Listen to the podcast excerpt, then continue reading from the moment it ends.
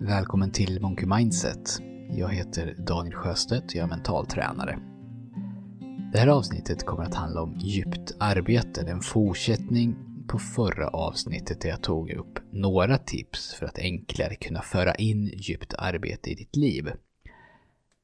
Men innan jag pratar om det så vill jag först tipsa om vårt mentala träningsprogram som heter Monkey Mindset Plus. Träningsprogrammet det löper över 16 veckor och nu idag så återlanserar vi det. Det kommer alltså från och med nu finnas att köpa på vår hemsida. Kolla gärna in det på monkeymindset.se plus. Djupt arbete, det handlar ju om att ge dig själv chansen att uträtta högkvalitativt arbete genom att ge dig själv relativt långa sammanhängande perioder där du jobbar helt ostört, helt utan distraktioner. Och i grunden så är det så enkelt. Men när man jobbar djupt så kommer man upptäcka att man stöter på en massa eh, olika problem. Och idag så kommer jag att försöka ge praktiska tips, små saker som potentiellt kan göra stor skillnad om du gör dem. Och jag pratar då uteslutande om sånt som du själv kan påverka. Jag tar alltså inte upp den yttre miljön i det här avsnittet. Eh, som till exempel hur medarbetare knackar på din dörr eller hur du blir avbruten på andra sätt. Och jag tror de här tipsen eh, passar för de som kanske redan har kommit igång med djupt arbete, åtminstone har prövat på det. Och som jag sa förra gången så är det ju inte säkert att det räcker att sitta i ett stängt rum där ingen stör dig, utan distraktionerna, de kan ju finnas där ändå. Många av oss, vi är ganska bra på att distrahera oss själva. Mitt främsta råd dock, när det gäller att införa djupt arbete, det är att göra det på ditt eget sätt. Om du hittar en metod som fungerar för dig, så kör då på den. Men om du försöker att göra den här förändringen och gång på gång misslyckas med den, alltså faller tillbaka in i ditt gamla sätt att jobba och du inte vill ha det så, så fundera då på de här punkterna och se om du kan införa någon eller alla av dem. För det här är jättevanligt inom all förändring egentligen, att man har en metod som känns logisk, men som trots att den inte funkar så försöker man samma metod om och om igen för man tycker att den borde funka. Man tänker så här att det är bara jag som behöver bli en lite bättre människa. Men se, försök att inte falla i den fällan. Om du misslyckas några gånger, vänta då inte på att du ska skärpa dig. Utan försök att göra någonting annorlunda. Och det kan vara någonting jättelitet. Och jag har samlat ihop sex tips till det här avsnittet. Då. De har ingen inbördes ordning. Men tipsen är 1. Ha en plan. 2 ha någonting att skriva ner idéer och tankar på. 3. Låt koncentrationen komma till dig. 4. Skapa en rutin. 5. Sluta när du vill ha mer. Och 6. Tänk i termer av på och av. Och jag ska förklara eh, var och en av de här punkterna nu. Första punkten då, ha en plan. Bestäm i förväg vad just det här blocket av djupt arbete ska användas till och se om du kan spesa så hårt du kan. Om du bara säger att du ska jobba på en viss rapport eller med en allmänt hållen idé, då är risken väldigt stort att du inte kommer känna dig fokuserad för ditt sinne kommer då, riskera då i alla fall, att hålla sig på en ytlig nivå där det trivs bäst, alltså där det är behagligt. Om någonting blir svårt, då är det jättelätt att hoppa till nästa sak i den här rapporten. Så bestäm vad du ska jobba med så tydligt och hårt definierat som du kan och se till att du har det som du behöver för att kunna arbeta med den uppgiften innan du sätter dig. 2. Ha någonting att skriva ner idéer och tankar på. Jag har upptäckt att när jag jobbar så här med en och samma sak utan distraktioner så får jag massor av tankar och idéer. Både sånt som gäller det som jag jobbar med nu, men kanske inte exakt precis den delen som jag har framför mig. Man kanske kommer på hur man ska göra med det man ska göra härnäst till exempel. Mina tankar ligger lite före eller går lite utanför dagens uppgift. Men jag har också märkt att jag får massor av bra idéer för sånt som inte alls har med dagens ämne att göra. Och om man inte har någon metod att fånga de här idéerna så kommer de antingen att ligga kvar och distrahera mig eller glömmas bort. Så en jätteviktig sak för att kunna arbeta djupt, det är att ha papper och penna bredvid dig. Och var inte rädd att skriva ner tankar och idéer där. Det kanske känns som att man då lämnar ämnet genom att göra det. Alltså att du inte tillåter dig att fokusera på en och samma sak. Men min erfarenhet är att det är precis tvärtom. Att genom att fästa saker på papper så kan du släppa dem mentalt och gå tillbaks till den uppgiften som du höll på med. 3. Låt koncentrationen komma till dig. Jag ska hålla den här punkten kort, för det här är en inställningsfråga. Men för mig så har det varit en, en game changer, alltså det har gjort stor förändring.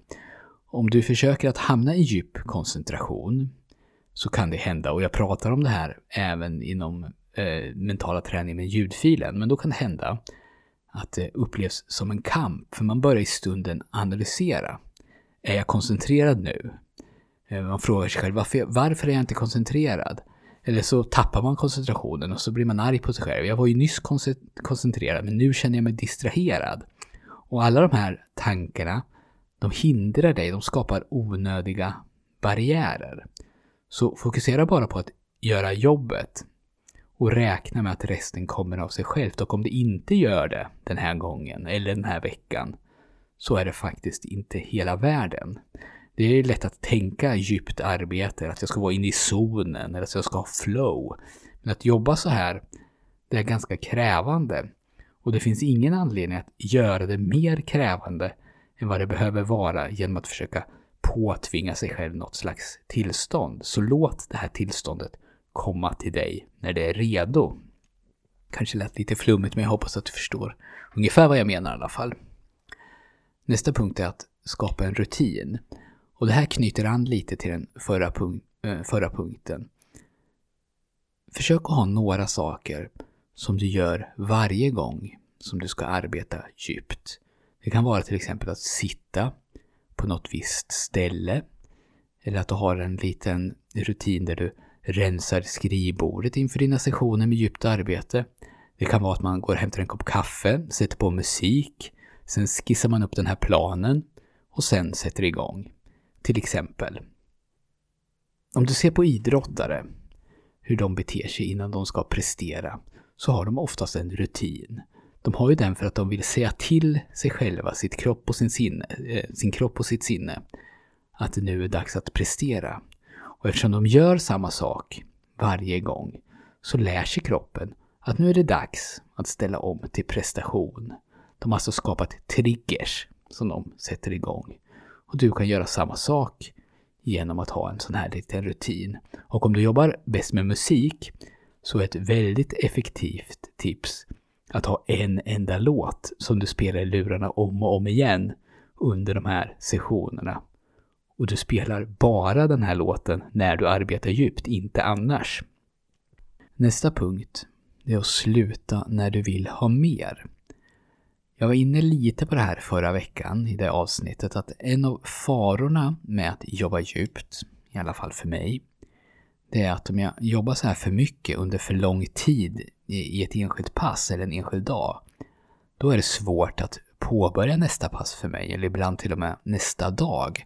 Så kör det inte slut varje pass och kör åtminstone i början hellre för korta pass än för långa. Och en bra metod för att hålla koll på det, det är att ta rast när du känner att du har mer i dig. Du kanske sitter och skriver och du vet exakt vad som ska stå i nästa stycke. Då kan du lämna där utan att skriva nästa stycke och ta en rast för att sen komma tillbaka när du har vilat och komma igång direkt. Skulle det vara styrketräning som jag pratar om så skulle jag säga att du aldrig ska köra till failure vad gäller djupt arbete. Du ska alltså inte jobba så länge att du inte har någonting mer att ge. Mitt sista tips, det är att tänka i termer av på och av. När du är på är du väldigt på. Då är du fokuserar, fokuserad och du gör vad som krävs för att vara fokuserad. Och när du är av, alltså när du inte jobbar, då är du väldigt av. Då återhämtar du dig och du gör vad som krävs för att återhämta dig. Ett sätt att jobba som jag tycker om, det är att jobba efter Pomodoro-principen. Då jobbar man 25 minuter, sen har man rast i fem minuter, sen jobbar man 25 minuter, rast 5 minuter och så vidare. Och i det här så lägger man ibland in längre raster. Man kan hitta ett sätt som passar en själv. När du tar dina raster, låt dem fokusera på återhämtning. Ehm, att kolla mejlen eller Facebook eller att passa på att prata med någon medarbetare om ett annat projekt under de här rasterna.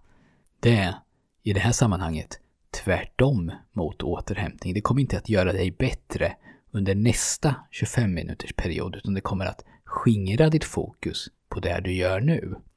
Det som kommer att göra dig bättre, det är till exempel att sätta dig någonstans med stängda ögon, eller att gå en liten kort promenad ute i friska luften, eller att göra någonting med kroppen för att få igång blodcirkulationen, eller att dricka ett glas vatten, eller någonting annat. Och alla behöver ju självklart hitta sin egen nivå och jag drar det här lite till sin spets. Men om man jobbar så här så kan man nästan se sig själv som en idrottare. Man kan tänk försöka tänka på samma sätt. Att en idrottare, han eller hon, försöker ju att optimera förutsättningarna för prestation. Och i det ingår förstås optimal återhämtning. Och det här sättet att jobba leder också till högre prestation. I min värld är det ingen som helst tvekan om det. Och om jag ska återknyta lite till det jag sa eh, det här med förut med att eh, sluta när du vill ha mer och pomodoro-tekniken. Om man jobbar 25 minuters eh, sessioner så här, då kommer man vara ganska, eh, känna sig ganska fräsch när de här 25 minuterna är klara. Om man börjar känna sig trött, då kan man dra ner de här perioderna eller ta lite längre raster. Det var allt för den här veckan. Kolla som sagt gärna in vårt mentala träningsprogram som vi återlanserar idag. Det heter ju då Monkey Mindset Plus och du hittar det på www.monkeymindset.se plus. Tack för att du har lyssnat och vi hörs igen ganska snart i alla fall för nu tar Patrik över podden ett tag och jag är tillbaka i april.